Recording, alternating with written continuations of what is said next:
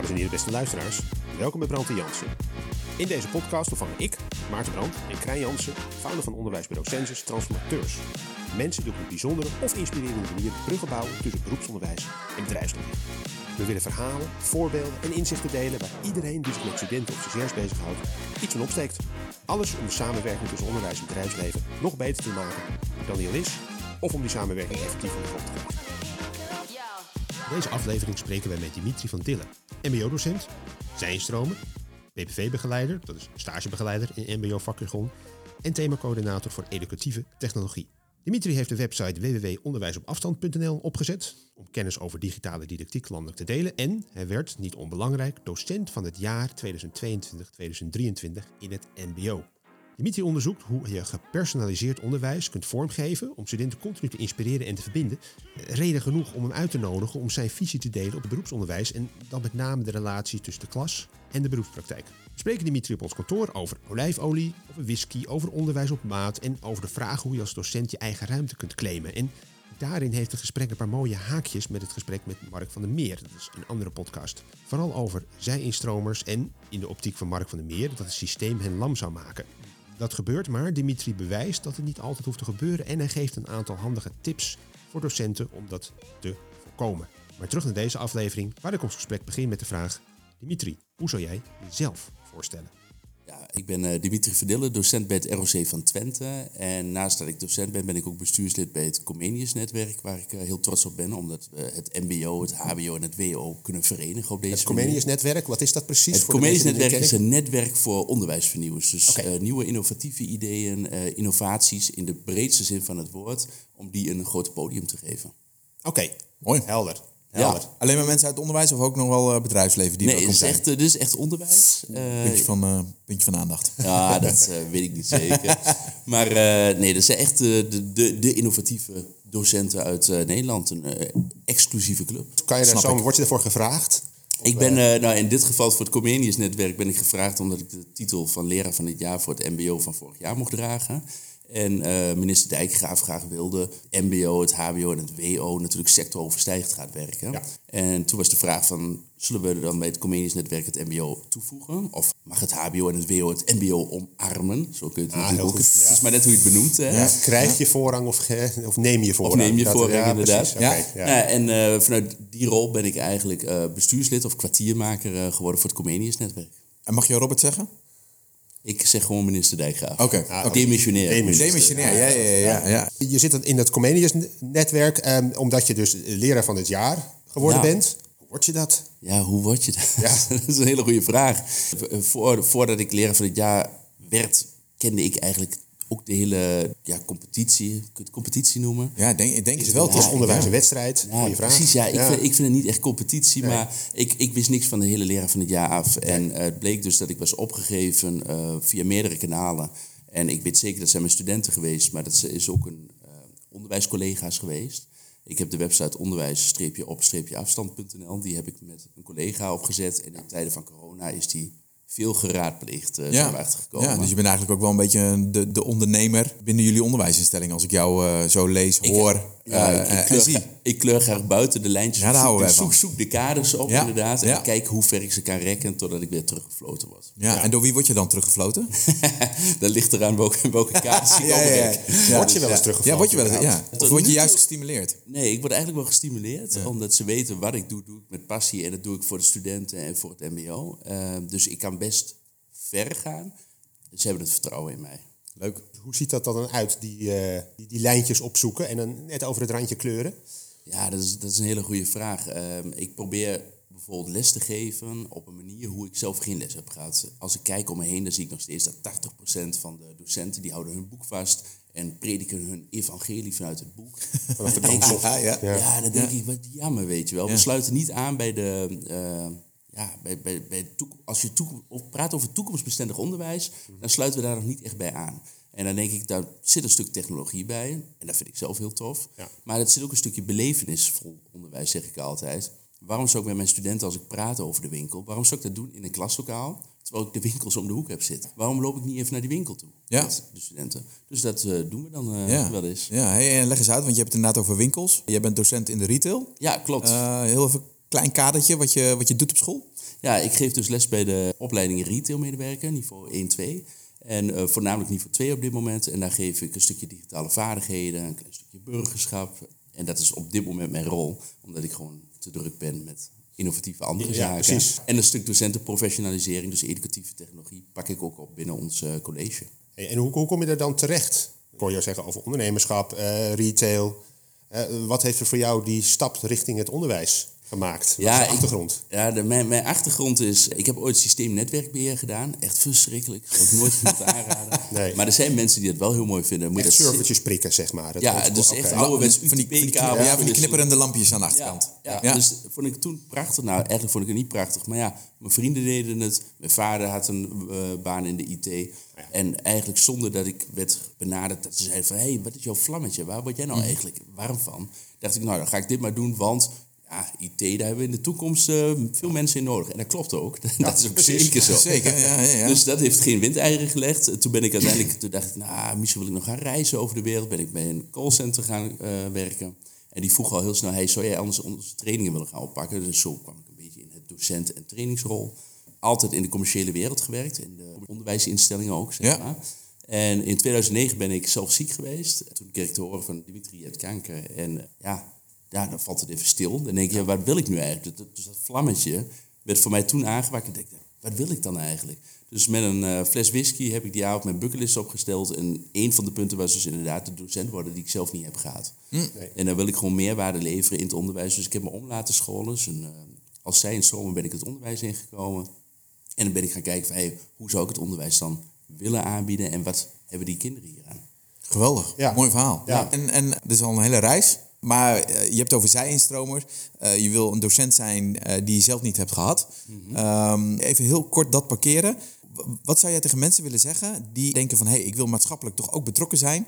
Misschien wil ik wel iets met onderwijs doen. Dat hoor ik ook wel een beetje om me heen. Ja, ik, wat, wat zijn jouw aanmoedigingsvariabelen... waarbij die mensen denken van... oké, ik ga het nu gewoon doen. Nou, ik hoor, ik hoor het wel vaker dat ze zeggen van... het lijkt me zo leuk om met die studenten te werken... maar dan er zit geen pit in. Ze gaan niet zelf uh, actie ondernemen. Dus ik zeg ook altijd, kom rustig langs. Ze mogen bij mij echt wel een dagje mee stage ja. of een uurtje of wat ze willen. Ja. En er zijn tal van collega's die dat ook willen. Want nou ja, het lerarentekort is gewoon een ding exact, op dit moment. Exact. En als ik, ik denk als mensen mee zouden lopen een dag, of misschien wel vanuit het bedrijfsleven ook gewoon een dag les zouden kunnen gaan geven, dan wel niet ondertussen getraind worden, dat, dat, uh, dat iedereen daar baat bij heeft. Ja, absoluut. Je ziet het ook met hybride vakdocenten die natuurlijk nu uh, die hoor je heel veel in het, in het, in het land. Ja, maar het mooie, het, mooie is dat uh, iedereen wil het. Alleen het systeem blokkeert het. dus, dus het systeem zegt ja, maar het kan niet uh, vanwege de payroll, het kan niet uh, in ons rooster en allerlei nee, en het systematische. Is ook, dat klopt. En mensen vinden het ook lastig soms om zelf die stap te zetten, ja. omdat ze dan, je moet dan zelf misschien weer eventjes naar school toe. Nou, dan moet je dat wel echt willen. Maar de mensen die het willen, ja, dat zijn dan ook echt fantastische docenten waar de studenten ook mee weglopen. Hier zit, hier zit hij. Ja, ja dit is er. Daar zit hij. Daar zit hij. Live in het, in het wild. In het wild. Hey, maar, ja, daar word ik ongemakkelijk van. Ja, dat weet ik. Maar er gaat nog wel meer komen. Dan ga je ongemakkelijk zitten. Nee, maar uh, eerste vraag. Is die fles whisky toen leeg gegaan? Die avond? Die fles is uh, opgegaan, okay. inderdaad. Ja, nee, ik heb echt in mijn eentje gezeten. Ik heb mijn bucketlist gemaakt. En nou ja, toen ben ik gaan denken over grote doelen, kleine doelen. Weet je wel, wat is snel haalbaar? Wat, laten we eerlijk zijn, de parachutesprong is al wel een keer gemaakt. Uh, dat soort zaken. Maar ook de grote doelen, weet je wel. Ik had een kinderwens. Nou ja, ik ben gezegend nu met twee mooie kinderen. Kun je dat op een lijst zetten? Je moet ook maar, wat ik al zeg, gezegend zijn ja, om het uh, te kunnen krijgen. Ja. Um, maar ook dus het doel inderdaad om leraar te worden. En uh, dat heeft me wel gemotiveerd om mijn opleiding te gaan doen. En echt met die studenten te gaan. Hey, en dan, dan ben je dan uh, docent, dan word je die zij in, instromen, dan kom je binnen. En wil je graag die docent zijn die je zelf nooit bent geweest kom je wel in een onderwijswereld binnen die, die soms heel uitnodigend is. Voor mensen die met andere ideeën, soms ook niet. Hoe krijg, hoe krijg je het voor elkaar dat jij dan toch tegen je eigen positie... Ligt dat aan jouw karakter of heb je mazzel gehad met de omgeving? Van beide eigenlijk een beetje. Hè? Mhm. Want uh, ik kwam in een heel leuk team terecht. En ja. mijn team uh, dat was als een warm bad. Maar ja, je, het, ze hebben een eigen cultuur. En je moet daar eerst aan wennen. En je moet daar eerst in integreren. Dus ik heb het eerste jaar ook gewoon echt mijn lesjes gedraaid zoals ik dacht dat dat moest, weet je wel. Want, de ideale schoonzoon. Ja, ja, precies. Dus vanuit het boek inderdaad. Alle toetjes braaf afnemen, et cetera. En toen dacht ik, ja, ik wil eigenlijk wel iets meer met technologie gaan doen. Dan ga je zelf een beetje proberen in je klaslokaal. En dan werkt iets. En dan denk je, hé, hey, maar dat is wel leuk. Als dat hier werkt, dan zou het misschien bij mijn collega ook werken. Nou, en dan laat je het een en ander zien. Krijg je steeds meer voet aan, uh, aan de grond. En uh, ja, laat ze het toe. Ja. Of accepteren ze het. En hebben jullie dat dan binnen het team ook geborgd dat het eigenlijk standaard in jullie teammeeting gaat over innovatie? Is dat echt een agendapunt bij jullie uh, geworden? Nou, het is bij ons zelfs nou college breed is het geworden. We hebben een college commercie en ondernemen bestaat uit ongeveer 200 docenten. Dus we zijn een best groot team, om maar zo te zeggen, best groot college.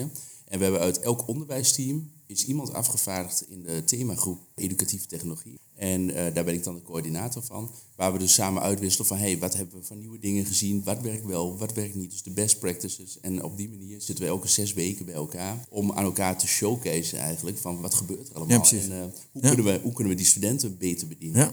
Dan ga je dus echt aan elkaar laten zien van, joh, moet je kijken wat ik heb maar we, hebben, en, maar we schrijven ook samen de visie, de missie, de doelstellingen. Die moet je ook bijstellen natuurlijk. Hè, want ja. De zaken veranderen. Kijk naar een ChatGPT natuurlijk, wat de afgelopen jaren een vlucht heeft genomen. En op die manier proberen we met z'n allen proberen we zo goed mogelijk onderwijs uh, te kunnen bieden. En, en laten we het uh, concreet maken. Wat is de top drie uh, van de meest innovatieve projecten die jullie nu gelanceerd hebben of besproken hebben? Nou, als ik kijk naar de afgelopen jaren, is natuurlijk, wij waren de early adapters met Microsoft Teams. Wij werken er al zes of zeven jaar mee nu. Dus in de tijden van corona ging dat echt als een tierenlied. En hadden ook geen moeite met het overschakelen naar online lessen. Wat wel heel innovatief is geweest bij dat stuk is online didactiek is natuurlijk wel wezenlijk anders dan voor de klas staan. Alleen niemand is daarin geschoold. Dus hoe kun je daar mensen in scholen? Dus we zijn echt gaan kijken wat zijn nou goede online werkvormen. En daar hebben we dus heel veel trainingen in gegeven, ook voor onze mededocenten. En we hebben ook gekeken wie is wel vaardig genoeg voor online lessen en wie niet. Dus je moet ook mensen in hun kracht zetten. Ja. En een andere is, we hebben een VR-experience gemaakt voor in de winkel staan. Je kunt met een VR-bril kun je opstaan en kun je oefenen met een spijtaankoop of een boze klant of een verdachte klant, dat soort zaken. Daar kun je met een VR-bril oefenen. Je kunt het gewoon op Teams oefenen of met je mobiel oefenen. Leuk, heel mooi.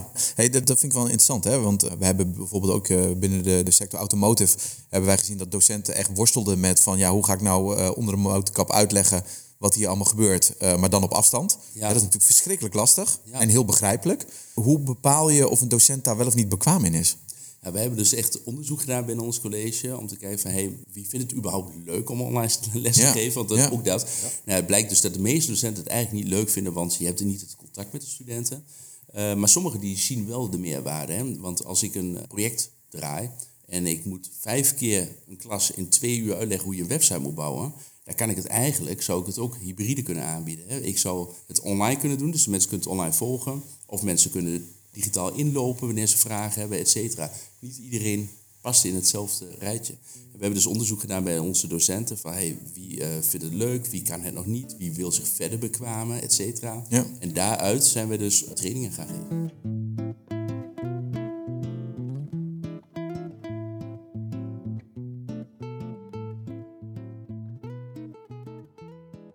Ooit ook, uh, tenminste dat heb ik dan ergens anders gelezen of gehoord, uh, lees dingen over jou. dat je het ook uh, studenten zelf laat kiezen hoe zij deelnemen. Ja, binnen grenzen, maar... Hè, ja, dat, nee, maar dat, dat klopt inderdaad. Ik vind het heel belangrijk. Uh, een stukje autonomie is natuurlijk belangrijk. Een stukje sturing is ook heel belangrijk. Maar heb je bijvoorbeeld uh, studenten... Ik, mijn studenten zijn heel wisselend. Dus vorig jaar gaf ik les. En ik gaf de les Nederlands begrijpen lezen. Mhm. Ja, en dan heb ik studenten die komen van de praktijkschool. Ik heb studenten met een migratieachtergrond. Maar ik heb ook studenten die van HAVO afgegleden zijn... en bij mij in de klas komen. Om wat voor reden dan ook. Ja. Uh, die studenten van de, die afgegleden zijn, bijvoorbeeld vanaf de HAVO, die uh, binnen het MBO niveau 2 zitten, die zeggen, ja, maar meneer, dit, dit, snap ik wel. Als u een kort filmpje doet, dan kan ik die opdrachten wel maken. Nou, dan neem ik een kort filmpje op, ga lekker in de kantine zitten, maak je ding. Dan heb ik de praktijkstudenten die zeggen, ja, maar meneer, ik moet het echt, uh, ik moet het gewoon doen, anders dan, dan kom ik er niet uit. Dus die deden een puzzeltocht door de wijk heen. En ik heb weer een andere groep met migratie, de studenten met een migratieachtergrond, die Nederlands nog niet zo vaardig zijn die zijn voor de verlengde instructie blijven zitten. Ze hebben verder gegaan. Op het einde van de les kwam iedereen weer samen en iedereen heeft hetzelfde doel uiteindelijk behaald. Maar dat is ook een stukje blended onderwijs. Je moet het volgens mij wel ja, gedifferentieerd aanbieden. Ja, en dit klinkt natuurlijk echt, dit, dit is natuurlijk een, uh, een prachtig mooi voorbeeld. Uh, wat je nu even in uh, één minuut uitlegt.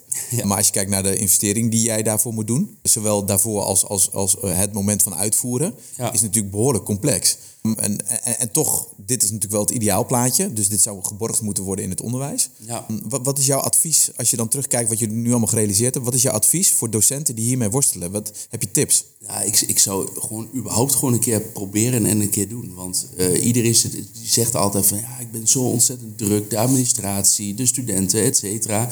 En dat snap ik heel goed. Maar ik denk als je op een vrijdagmiddag in een gemiddelde mbo-instelling loopt... dat je een kanon kan afschieten. Ja. Dus als we nou dat uurtje eens even pakken en samen eens gaan kijken van hey, hoe zouden wij onze les bijvoorbeeld kunnen flippen. Dus uh, in plaats van je standaard les bijvoorbeeld een blended versie kunnen. Ik denk dat we wel een heel eind zouden kunnen Ja, flipping the classroom. Flipping, the classroom.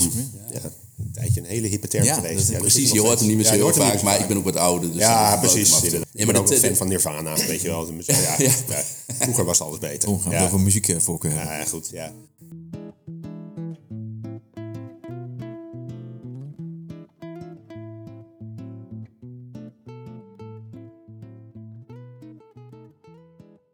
Hoorde van de week iemand eh, anders die schreef... Ik, ja, misschien is eh, er wel niet een eh, tekort aan docenten... maar is het de manier waarop we onderwijs geven wel een probleem? En moeten we niet veel meer werken op een, op een manier...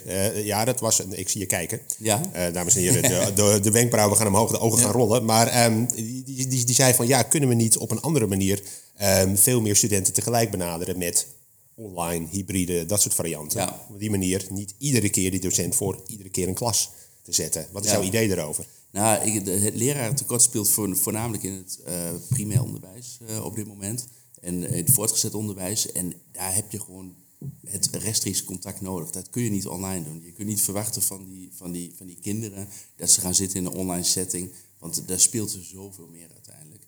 En zelfs bij de mbo-studenten kun je het ook niet verwachten dat ze altijd maar online... Want ja, de ene die gaat wel goed bij online les en de andere niet. Dat hebben we ook gezien in de coronatijd. Je hebt, je hebt studenten die moet je muurtjes geven om tegenaan te leunen, zeg maar. Ja. En als je het allemaal loslaat, dan, dan verdwijnen ze. Nee, oké, goed. Dan, dat we dat eventjes hebben, Ja, heel goed. voordat mensen gekke ideeën krijgen.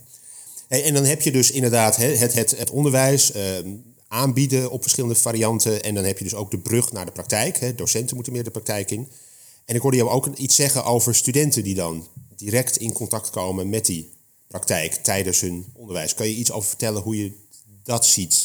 Zijn er dingen waarvan je denkt van joh, die, die, hoe je die klas in contact brengt met datgene wat er dagelijks in de praktijk. Ja, dat is een hele goeie. Wat ik al zeg, hè, ik neem mijn studenten dus bijvoorbeeld mee naar de winkel. Ja.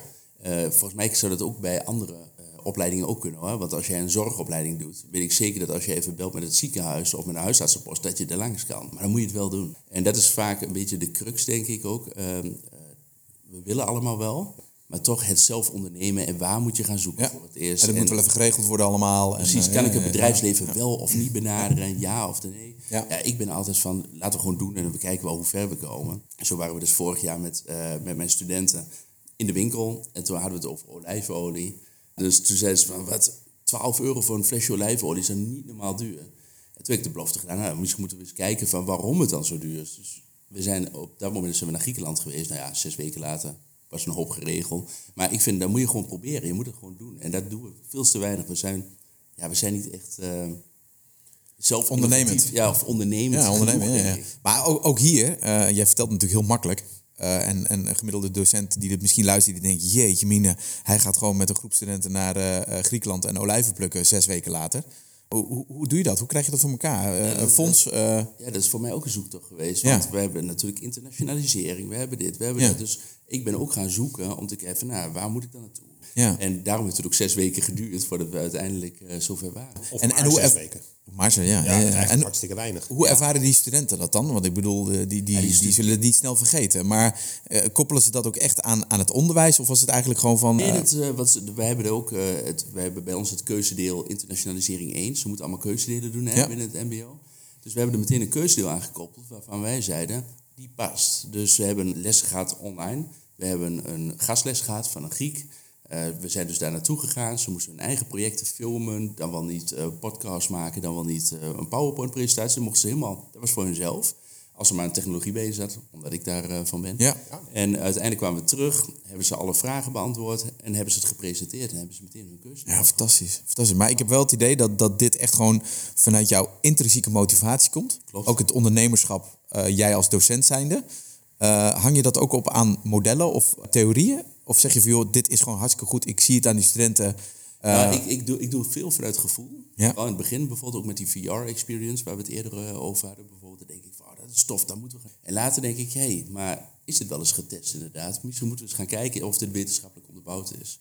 En dat doe ik zelf nu nog te weinig. Daarom doe ik zelf ook de opleiding, de Master Onderwijs en Technologie. Om wat meer niet vanuit gevoel te doen, maar ook en is het reëel dat het flesje 12 euro kostte? Of uh, zag je ergens een Porsche staan dat je dacht, ah... Wil je meer naar Griekenland? Nee, nee, nee. nee. Nou ja, nou ja, goed. Binnen nu zes weken. Uh, waarom niet? Ik bedoel, als we zes, binnen zes weken, ja, uh, ik, ga wel mee. Ja, nee, maar die, die, studenten, maar, want je denkt 12 euro, het is veel. Maar als ik dan vertel wat die olijf moeten groeien onder de juiste omstandigheden, op de juiste kant van de berg. Die moeten van de berg afgehaald worden en dan et cetera. Er moeten stickers opkomen uiteindelijk, waardoor je mag importeren of exporteren. Ja. En dan pas valt het kwartje en zeggen ze, oh, maar nu snap ik wel. Afgebrande olijfgaarden natuurlijk uh, misschien wel in die tijd. Ook, ja. Dus innovatie gaat niet alleen dus over de technologie en de chipjes en, en dat soort dingen. Het gaat ook over het bewustzijn van de keten en van de wereld Zeker. en dat soort zaken. Ja, nou, is volgens mij als je wereldburgers wil maken, en als we het hebben over wereldburgerschap, moet je dat zeker doen. En dan moet je inderdaad die praktijk waar we het over hadden koppelen aan het onderwijs. Ja.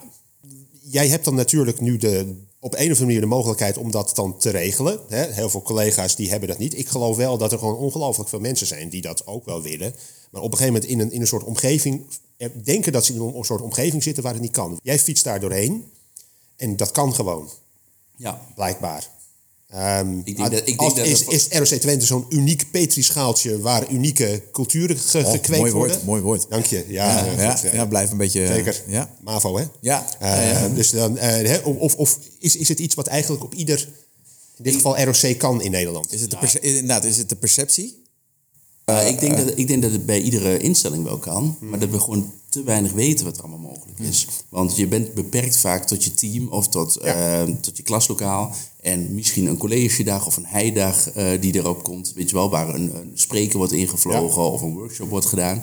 Maar wat er nog meer binnen een organisatie, en dat is lastig, hè? dus dat is een stukje cultuur en communicatie binnen de organisatie, wat is mogelijk? Want voordat ik het wist, dat ik Erasmus Plus wist dat je daaraan kon koppelen, was voor mij ook de zoektocht ja. gestart. Maar betekent dat dan dat, dat, dat, uh, dat je eigenlijk binnen elk team uh, sowieso iemand moet hebben die echt gewoon de, de, de innovatorrol krijgt of de kwartiermakersrol krijgt, om dat uh, verder te gaan uitzoeken binnen de, de onderwijsinstelling waar ze dan werken? Om dat gewoon echt te agenderen en te borgen. Ja, als, maar, als ik dan even als praktijk onze eigen uh, college erbij pak. We hebben dus een college met 200 man. Ik ben dan de coördinator, thema-coördinator educatieve technologie. Maar we hebben ook het uh, thema-coördinator internationalisering. Ja. Ook een thema-coördinator uh, inclusie of burgerschap. Ja. Dus we hebben verschillende, en LOB, dus we hebben verschillende thema's die wij als college belangrijk vinden. Maar dat is niet ROC van Twente breed bepaald. Ja. Dat is ons ja, flex, flexibel binnen groot, zeggen ze wel eens. iedereen mag wel zijn eigen sausje erover gooien. Ja. Wat is de rol van het practoraat in dit hele verhaal?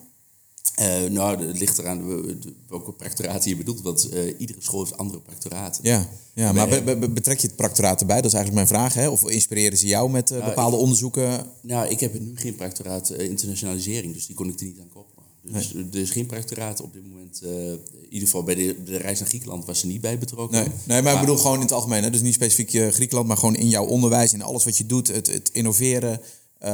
betrek je daar het practoraat bij?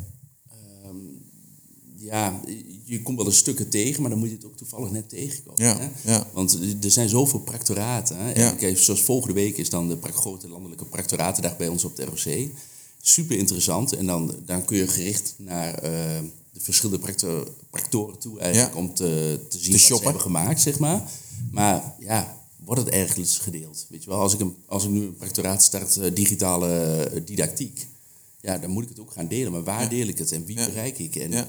Mag ik je uit concluderen dat dat lijntje er nog niet helemaal is? Of tenminste, eh, ik weet niet of het gewenst is, hè, maar... eh, Het, het, is, het is vooral lastig omdat er zijn zoveel verschillende practoraten die zich verdiepen op één thema. En als ik het heb over bijvoorbeeld mijn educatieve technologie, dat is heel breed ja, natuurlijk. Hè? ja. En we, we hebben het ook even gehad over eh, het eerste jaar.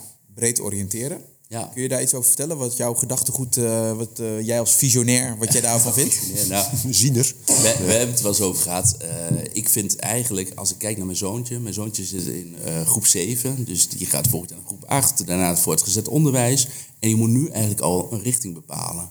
Ja, dat is veel te jong. Ik wist op mijn 18e, 19e, als ik kijk naar mijn studenten, die weten niet wat ze willen worden. Ik weet het nog steeds niet. Nee, nee ja, precies. Je, je kunt worden wat je wil uiteindelijk. Ja. Maar dan denk ik van, het is zo vroeg dat ze het al moeten doen. En je hebt natuurlijk van die bredere oriëntatiejaren binnen het VMBO. Maar in het MBO moet je gewoon een richting hebben gekozen. Dus dan kies je voor, of voor handel, of voor zorg, of voor uh, ICT, nou ja, et cetera, of automotive. Ja. Dus dan, dan kies je gericht. En dat betekent meteen dat je die opleiding doet en dan denk ik, ja, terwijl eigenlijk de vakken Nederlands, burgerschap, Engels, uh, et cetera, dat zou je natuurlijk ook in een basisjaar kunnen stoppen. Waardoor je nog eerst kan proeven. Want de keuzedelen die we hebben, waarom zou ik dan niet kunnen zeggen, hé, hey, ik, ik, ik heb interesse in ICT en zorg. Mm Laat ik een keuzedeel gaan volgen. ICT en een keuzedeel zorg, waardoor ik van allebei kan proeven. En dan kan ik in het tweede jaar, zou ik dan gericht op die opleiding kunnen kiezen. Ja. zou ik heel mooi vinden. Ja, oh, mooi. Ja, want wij zijn bijvoorbeeld bezig, hè, eh, een college wat uh, aan ons uh, mogelijk de opdracht geeft om, om een eerste jaar wat breder te gaan ontwerpen. Ja. Dus dan hebben we het bijvoorbeeld over autotechniek, maar ook over zware bedrijfswagens, maar ook over carrosserie en ook over tweewielers. Om dat eerste jaar eigenlijk gewoon daarmee te ontwerpen. Zodat, een, zodat een student niet meteen uh, inderdaad voor een specifieke opleiding kiest, maar eigenlijk gewoon ziet wat mobiliteit eigenlijk betekent. Ja. En dat hij dan eigenlijk misschien wel denkt, hé, hey, maar zo'n vrachtwagen, dat vind ik eigenlijk ook wel een tof apparaat. Ja, uh, misschien moet ik daar ook maar eens in oriënteren. Ja, we zien echt dat die uitval in het eerste jaar, dat is wat we terugkrijgen in ieder geval, ook echt komt door studenten die echt het gevoel hebben van... hé, hey, ik, eh, ik zit hier nu, maar dit is toch niet wat ik wil. Uh, ongemotiveerd, laat maar. Ja. En het is ongelooflijk zonde dat je daarmee goede vakkrachten kwijtraakt. Ja, ja, ja, ja voor het onderwijs. Eens, maar, maar dat is ook als de studenten binnenkomen binnen het MBO, ze krijgen een advies van, van hun docent of hun mentor, zeg maar van de vorige school. Die zegt, nou, volgens mij zou uh, handel wel bij jou passen. Maar ja, handel. Super, super breed. Ja, exact. Ja, ja. ja, dus bij welke opleiding ga je dan? En volgens mij hebben er iets van 300, 368 verschillende opleidingen binnen het MBO. Dan denk ik, ja, maar ik weet zeker dat die mentor ook niet weet welke opleidingen er precies allemaal zijn. Dus daar, daar gaat er denk ik ook wel een stukje mee. Ja, en wat wil die student zelf? Weet je wel? Ja, en dat weet hij inderdaad natuurlijk niet. En ik denk dat je hem wel helpt, uh, of haar, in dat in het eerste jaar, om het ja. gewoon wat breder uh, aan te bieden. Uh, overigens wel flexibel, hè, want je hebt natuurlijk ook jongens en meiden die precies weten wat ze willen. Nee. Maar ik denk wel dat het goed zou zijn om gewoon ja, die student een, een wat zachtere landing uh, te geven. Ja. En, en niet meteen inderdaad een, een soort verkokering van... joh, uh, dit ga jij doen, want daar, daar heb je voor gekozen. Ja. Uh, maar laten we in dat eerste jaar gewoon eens kijken van... joh, is het ook daadwerkelijk zo dat deze keuze bij jou past? Precies, nou en daar zouden die keuzedelen zouden daar heel mooi in zijn. Ja. Want dan kun je dus een, een specifieke richting zou je Ja. kunnen kiezen. Ja. En nu is het, als we gewoon heel sec kijken naar een opleiding... dan heb je keuzedelen, ja... Je mag een keuzedeel kiezen. Je hebt de keuze uit vier. Maar ja, hoeveel keuzedelen hebben we? Ja. We hebben er eigenlijk veel meer. Ja. Maar ja, Ja. dat is natuurlijk weer niet te regelen, want je kunt niet ondertussen uh, automotive en kantklossen tegelijk gaan doen. Want dat betekent dat je weer een ruimte moet hebben, docent moet hebben, et cetera. Ja. En met een leraar natuurlijk, wat is dat Ja. helemaal Ja, niet. maar goed, je, je kan het ook afbakenen. hè. Dus je kan inderdaad wel gewoon afbakenen of je pakken mobiliteit. Ja. En dan is het natuurlijk een stukje realistischer. eh, Ja, denk dat zou ik. kunnen. Ja, bij ons bijvoorbeeld, wij zitten dus met eh, de retail zitten wij in het grensgebied, hè, Hengelo. Ja. Dus vlakbij Enschede, eh, bij eh, Duitsland. Dus bij ons wordt het keusdeel Duits aangeboden. Logisch. Ja. En, en dat, dat, kan- dat, dat kan dus ook. Dat is, Ja. Ze kunnen dus Duits of Engels of nou ja. Ja. Maar eh, hoe tof zou het zijn als je een, een grote onderwijsinstelling hebt en op maandagmiddag is van elke opleiding is iedereen vrijgepland om een keuzedeel te volgen wat je echt wil. Ja. Hebben we het dan over dromen? Zeg je? Hebben we het dan over dromen? Ja, dat denk ik wel. Ja? Maar goed, het is wel- Ja, maar je zegt, je zegt het toch een beetje inderdaad, hè, daar gaan de wenkbrauwen weer. Eh, Dat het niet realistisch is en dat het bij een utopie Nou, ik, blijft. denk, ik denk dat het bijna niet te doen is. Want het zou betekenen dat iedereen op die maandagmiddag een keuzedeel moet gaan aanbieden. Elke docent. Dan moeten ze allemaal op maandagmiddag te zijn. En dat, dat, dat, Nee. dat ga je niet Nee. eh gebolgen nee, krijgen. nee, nee. Maar ergens, Ergens zou het wel heel mooi zijn Ja. natuurlijk. Hè? Want ik bedoel, als, mijn, als ik mijn student heb eh, in de retail en die zegt van ik wil wel kantklossen of ik wil eigenlijk wil ik, een, een paardkapper worden. Ja. Dan ga het keuzedeel vol. Doe je ding. ja.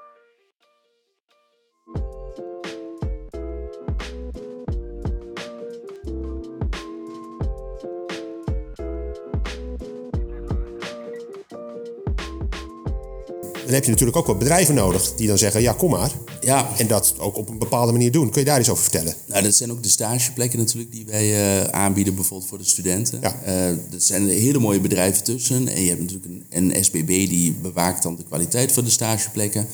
Of dat altijd even goed gaat, is een andere, is een andere discussie natuurlijk. Nou, die- leggen een soort basisnorm. Die leggen de basisnorm Ja. inderdaad. En, eh, maar daar kunnen studenten wel eh, echt proeven hoe het gaat in het bedrijfsleven inderdaad. Ik vind een heel mooi voorbeeld bij ons, bij de afdeling, vind ik die IKEA. Uh, de IKEA is natuurlijk een grote organisatie. Dus net komen er binnen als retailmedewerker, maar ze moeten daar alles mee lopen. Dus ze gaan als verkoper, ze gaan als verkoopspecialist, ze lopen een dag meer met de manager, ze lopen een dag meer met HR. Dus ze proeven daar echt van elke uh, onderdeel zeg, dat, uh, in zijn werk. Ja. en daarna kunnen ze dus kiezen van, hé, hey, maar jij doet de opleiding tot retailmedewerker, maar jij vindt het stukje management, vind jij ook leuk. Misschien kunnen we dat gaan combineren. Dus dan krijgen ze de kans om en de retailmedewerkers, dat is een halve dag gaan uh, als medewerker in de winkel staan. En de andere helft worden ze bijvoorbeeld uh, intern opgeleid tot manager. Ja, en hebben we het dan over bol- of BBL-studenten of beide? Beide. Beide. Ja. Echt het, echt het IKEA-effect. Ja. Ja, de psychologische, dat is echt een psychologische term die is onderzocht. Is het, het IKEA-effect, ja? dat is dat mensen meer waarde hechten aan iets dat ze zelf in elkaar hebben gezegd dan iets oh, anders. Dat is zo, ja. Hè, op het moment dat je een kastje hebt, dat je op die billyboekenkast die je zelf in elkaar hebt gezet, is psychologisch waardevoller dan iets wat je niet in elkaar hebt gezet. En dan kan je natuurlijk een prachtig bruggetje maken, ook naar leerlingen. Ja. Die gevoel van autonomie, verbondenheid en dergelijke. Denken Ja. van nee, ik ontdek dit zelf. Ik denk dat IKEA daarmee op een heel... Je gaat heel erg een soort metaniveau nu, maar dat ze precies. zichzelf het eigen IKEA-effect organiseren bij studenten. Ja, Dat is een ontzettend goed voorbeeld. Ja, leuk. Ja, maar dat vinden ze ook, eh, maar dat vinden mijn studenten ook. Dat, dat zie je ook gewoon aan ze. Ja. Want eh, er is minder eh, verzuim, ook op de stageplekken. Want als ze bijvoorbeeld, bij mij zeggen ze altijd, oh, ik ga stage lopen bij de telefoonhoesjeswinkel in de stad. Want het is een kleine winkel, weet je wel. En dan zitten ze daar en dan komen ze erachter dat ze het hele jaar door lopen ze dus twee dagen per week stage. En dan komen ze erachter dat daar geen klanten komen. Maar dat ze daar de hele dag in een lege winkel staan. En dan pas komen ze zichzelf tegen van ja, ik heb hier eigenlijk niks te doen. Dan zeggen ze, nou ja, dan ga ik, dan ga ik er maar niet naartoe. Of dan, eh, nou, maar goed, dat is, dat is ook wel, dat is een mooie les. Beter dat je er nu een stage achter komt dan straks Ja. eh, als je in het, hè, voor het EGI moet doen. absoluut. Naar de contractonderhandelingen. Ah, de contractonderhandelingen inderdaad, ja. Ehm, en, en je- de SBB die helpt erbij. Hoe, hoe doen jullie dat als school in die ehm, kwaliteitsbewaking? Want je gaat dan een groot deel van je beroepsopleiding doe je in de praktijk. Ja, Bedrijven zijn vaak heel goed in een vak, maar niet per se goed in het begeleiden van leerlingen altijd. Dat is Nee. een vak apart. ja, precies. Ja, bij ons Wat erbij? Ja, bij ons krijgen de, de stagebedrijven, die krijgen ook een uitnodiging om een dag training te volgen. Van hoe begeleid ik nou een student? Wat voor soort Ja. papieren zitten erbij? Wat voor soort studenten hebben we binnen? Eh, wat ook heel belangrijk is, want dat wordt vaak ook niet gezien. Hè? Ze horen het vaak. Maar bij ons moeten de studenten zelf eh, hun stageplek zoeken. Dus ze gaan ook naar de stageplek toe om een gesprek te voeren, om een sollicitatie te doen. Dus dan krijgen ze al een beetje gevoel mee. Eh, Maar ze worden allemaal uitgenodigd. Ze komen niet allemaal, maar iedereen wordt uitgenodigd van hoe begeleid ik nou een goede student. En wij als docenten, of als BPV-begeleiders, die komen natuurlijk ook langs hè, bij de start. Want je wil weten waar jouw eh, student wordt geplaatst. Ik, ik wil hem niet bij elke hoort methode neerzetten. Dus waar wordt hij geplaatst? We gaan tussendoor gaan we nog een keer evalueren. En dan nemen wij onze stagemap mee. En dan gaan we ook al een aantal punten langs van... hey, doet hij dit wel, doet hij dit niet? En op die manier train je ze ook een beetje. Want je doet het gezamenlijk, vul je hem in. En dan zeggen we ook van, nou, de volgende eh, ronde is over een maand. Dan moet, je, moet die weer beoordeeld worden. Mag op dezelfde manier. Zal ik niet bij aanwezig zijn, maar dat mag je zelf doen. En dan vragen we de studenten om de papieren mee te nemen. Oké, ja. Helder. Hey, en als we het nog even hebben over het bedrijfsleven. Hè. Eh, afgelopen maand werd bekend dat bijvoorbeeld eh, Koning Willem I College in eh, Den Bosch... eh, met onder andere Organon en Heineken... eh, echt gewoon samen constructief onderwijs eh, gaan maken. Ja. Wat vind jij van dit soort ontwikkelingen? Nou, ik denk dat het goed is. Wij ehm, zeggen altijd, wij leiden de, de mensen op voor de toekomst, hè, voor de toekomstige banen. Maar als we heel eerlijk kijken, het onderwijs loopt altijd achter. Ja. Dat, is gewoon een feit. Ja. En we proberen echt, we doen ons stinkend ons best om zoveel mogelijk praktijkvoorbeelden erbij te pakken. Hè, relevante en actuele ehm, materie inderdaad. Maar als je kijkt naar de methodes die worden uitgegeven, ja, ze maken nu de methode die volgend jaar wordt gegeven. Dus die is volgend jaar weer verouderd. Pak ik weer een ChatGPT erbij. Nou ja, je ziet hoe wat van vogelvlucht dat is gegaan. Ik mag hopen dat het erbij in zit. Maar ik denk het haast niet. Nee. Dat het nog niet wordt verwerkt daarin. Nee. Dus wil je mensen opleiden voor toekomstige banen, dan moet je ook weten wat er speelt bij die bedrijven. En waarom zou je dan niet bedrijven mee laten denken? Ja, Als je, als je kijkt naar wat er bijvoorbeeld door het World Economic Forum ehm, wordt gezegd aan de skills die nodig zijn voor de, voor de toekomst. Ik heb nog eens even de top 10 lijstje doorgekeken. Eh, Negen van de 10 zijn soft skills volgens mij. Of, ja, ik vind het al een beetje vaag. Soft, er is niks softs aan. Het zijn Nee. de basiskills. Ehm real skills zijn ze ook wel eens genoemd, volgens mij door iemand. Dat zijn vaardigheden die misschien wel harder nodig zijn voor, voor studenten. Zeker. Als ik even die, die advocaat van de duivel mag zijn. Heb je er nog wel al die praktische vaardigheden die je leert? Ja, Hoeveel, hoeveel daarvan heb je, heb je morgen nog echt, echt nodig? Ja, dat, dat is een discussie die ik ook regelmatig in het land doe. Hè? Weet je wel, daar, hebben we het erover van waarom toetsen we eigenlijk nog altijd ouderwets in die busopstelling. Hè? Weet je wel, we, we leren die studenten allemaal gegevens uit hun hoofd te leren. Maar we vertellen niet waar je het kunt vinden, want volgens mij is dat een beetje de toekomst. En, eh, en dan bij mij, als ik bijvoorbeeld digitale vaardigheden geef, dus ze krijgen een, een Microsoft Forms krijgen ze binnen op hun telefoon of op hun laptop. Het maakt mij niet uit of ze het gaan maken buiten terwijl ze hun sigaretje roken of in de kantine of bij mij in het klaslokaal. Mag allemaal. Je mag zelfs, voor mij mag je praten met elkaar. En dan zegt ze ook, maar waarom doet u dat dan meneer? Zeg ja, nou ja, ik kan jullie in een busopstelling gaan neerzetten. Ik zeg maar, wat is straks, als je het bedrijfsleven in gaat, wat is het belangrijkste wat je moet kunnen? Zeg ze, ja, samenwerken. Ik zeg, nou precies dat, het stukje samenwerken. En dat leren we ze eigenlijk niet. Nee. Ja, we leren ze het wel trouwens. Onvoldoende samenwerkingsopdrachten hebben natuurlijk. Maar het, echt het stukje samenwerken, communicatief vaardig, et cetera. Hey, en, en, en even nog even terug naar, uh, naar jouw carrière natuurlijk. Docent van het jaar. Word je niet zomaar. Hè? En, en, je bent voorgedragen door een aantal mede-collega's. Uh, misschien nog wel studenten dus inderdaad, wat jij zegt. Waarom denk jij dat je uh, deze prijs gewonnen hebt? Wat, wat, wat, wat maakt jou nu uniek in jouw onderwijs? Waardoor een docent die nu luistert, of een, of een manager die nu luistert, denkt: ja, jeetje, Mina, die gozer die heeft echt verstand van als ik dit zo hoor. Uh, ik vind de term leraar van het jaar krijg ik altijd een beetje jeuk van, ja. eerlijk. Ja. Ik zou sectorambassadeur zou ook een mooie, mooiere betekenis vinden voor. Het is net een voetbalinterview dit. Het is inderdaad niet de spits die vertelt dat hij eigenlijk gewoon heel goed was, maar het is toch mede door het nee, team. Maar nee, maar dat is echt zo. Want, want zonder mijn team dan zou ik die innovaties niet kunnen testen. Ja, zeg dus maar, de context. Mijn, ja, maar ook bij de collega's of bij de studenten. Dus mijn team die laat me daar best vrij in. Die zegt ook van, nou Dimitri, ga lekker proberen. En als het werkt, dan horen we het wel. En dan gaan we het wel testen binnen ons, uh, binnen ons team. Die hebben dan in de afgelopen ja. jaren... Ja, vertrouwen dus ook wel. Het stukje vertrouwen inderdaad, daar bedoel ik ook met uh, verdienen. Nou ja, en uh, zij kunnen het weer gebruiken. En zij zien de meerwaarde daar ook wel van. Um, als je tips zou mogen geven voor docenten of teammanagers... Wat voor tips zou je geven om uh, dat niveau te bereiken waar jij nu uh, je lessen uh, op geeft en, en, en acteert binnen de organisatie? Wat voor tips heb je? Nou, ja, ik, ja. weet wat het is? Ik, wat ik vaak doe als docent, hoe ik het verschil probeer te maken, is echt door te luisteren naar die student en echt aan te sluiten bij die belevingswereld van die student. En dat doe ik middels technologie en dat is dus om naar de winkel te lopen, et cetera. En gewoon een beetje de, de kaders op te trekken, een beetje buiten de lijntjes te kleuren. Ja. En um, ik denk dat dat vaak niet gedaan wordt door docenten. Dat ze zeggen, ja, ik heb hier mijn lesmethode, ik heb hier mijn toets waar ik naartoe moet werken en daar hou ik het bij. Ja. En volgens mij moet je dat af en toe een beetje loslaten, helemaal die methodes. Ik bedoel, ik wil, ik wil zelf geen methodeslaaf zijn, zeg ik altijd. Weet je wel, want uh, als ik moet oefenen uit een methode over een spijt aankoop, bijvoorbeeld in de winkel. Hè, iemand komt, komt bij je die spijt van zijn aankoop, hoe ga je reageren? Dan kan ik vanuit mijn methode, methode doen, maar ik kan ook met de VR-bril op gaan zitten. Ja. Waar ik hetzelfde resultaat uiteindelijk Ja, uh, je zegt dus kaders oprekken, mm -hmm. toepassen van technologie en aansluiting bij de belevenis, uh, belevenis, belevenis van de student. Ja, van de student. Ja, ja, dat, dat zijn eigenlijk drie dingen die voor jou echt gewoon de, de, de, de succesvariabelen zijn. Die jou ook gewoon tot een goede docent maken. En, en, en die jou lol geven ook. Die mij heel in, wat je, in wat je. Ja, exact. exact Want dat is natuurlijk misschien wel het belangrijkste. Ja, absoluut. En, en gewoon doen. Ja. Nou ja, dat lijkt gewoon doen en dat mooie, doen we te weinig. Ja, dat, gewoon doen en dat doen we te weinig. Ja. Ja. Eigenlijk hebben we daarbij wel de hele, het hele verhaal hadden we ook gewoon in een halve minuut kunnen doen dan, denk ik. Ja, ja. um, Dimitri, ongelooflijk bedankt voor je, voor je kennis, voor je inzichten. Uh, voor het delen, al dan niet met uh, bescheidenheid. En nog één nabrandetje. Ja. Die, die bucketlist waar jij het over had. Uh, dan dat iets zou, meer dat op... zou ik nog echt willen uh, ja, bereiken. Wat, wat wil je realiseren? Ja, exact. Ik zou denk ik nog meer docenten uh, in hun kracht willen zetten. Ja. En laten zien hoe mooi de technologie ook bijvoorbeeld kan helpen bij het aansluiten van die belevingswereld. Ja. Ja. Dus um, het stukje docentenprofessionalisering. En docenten dus ook de ruimte geven. Of de, de speelruimte. De, de, die speelruimte laten ervaren ook. Ja.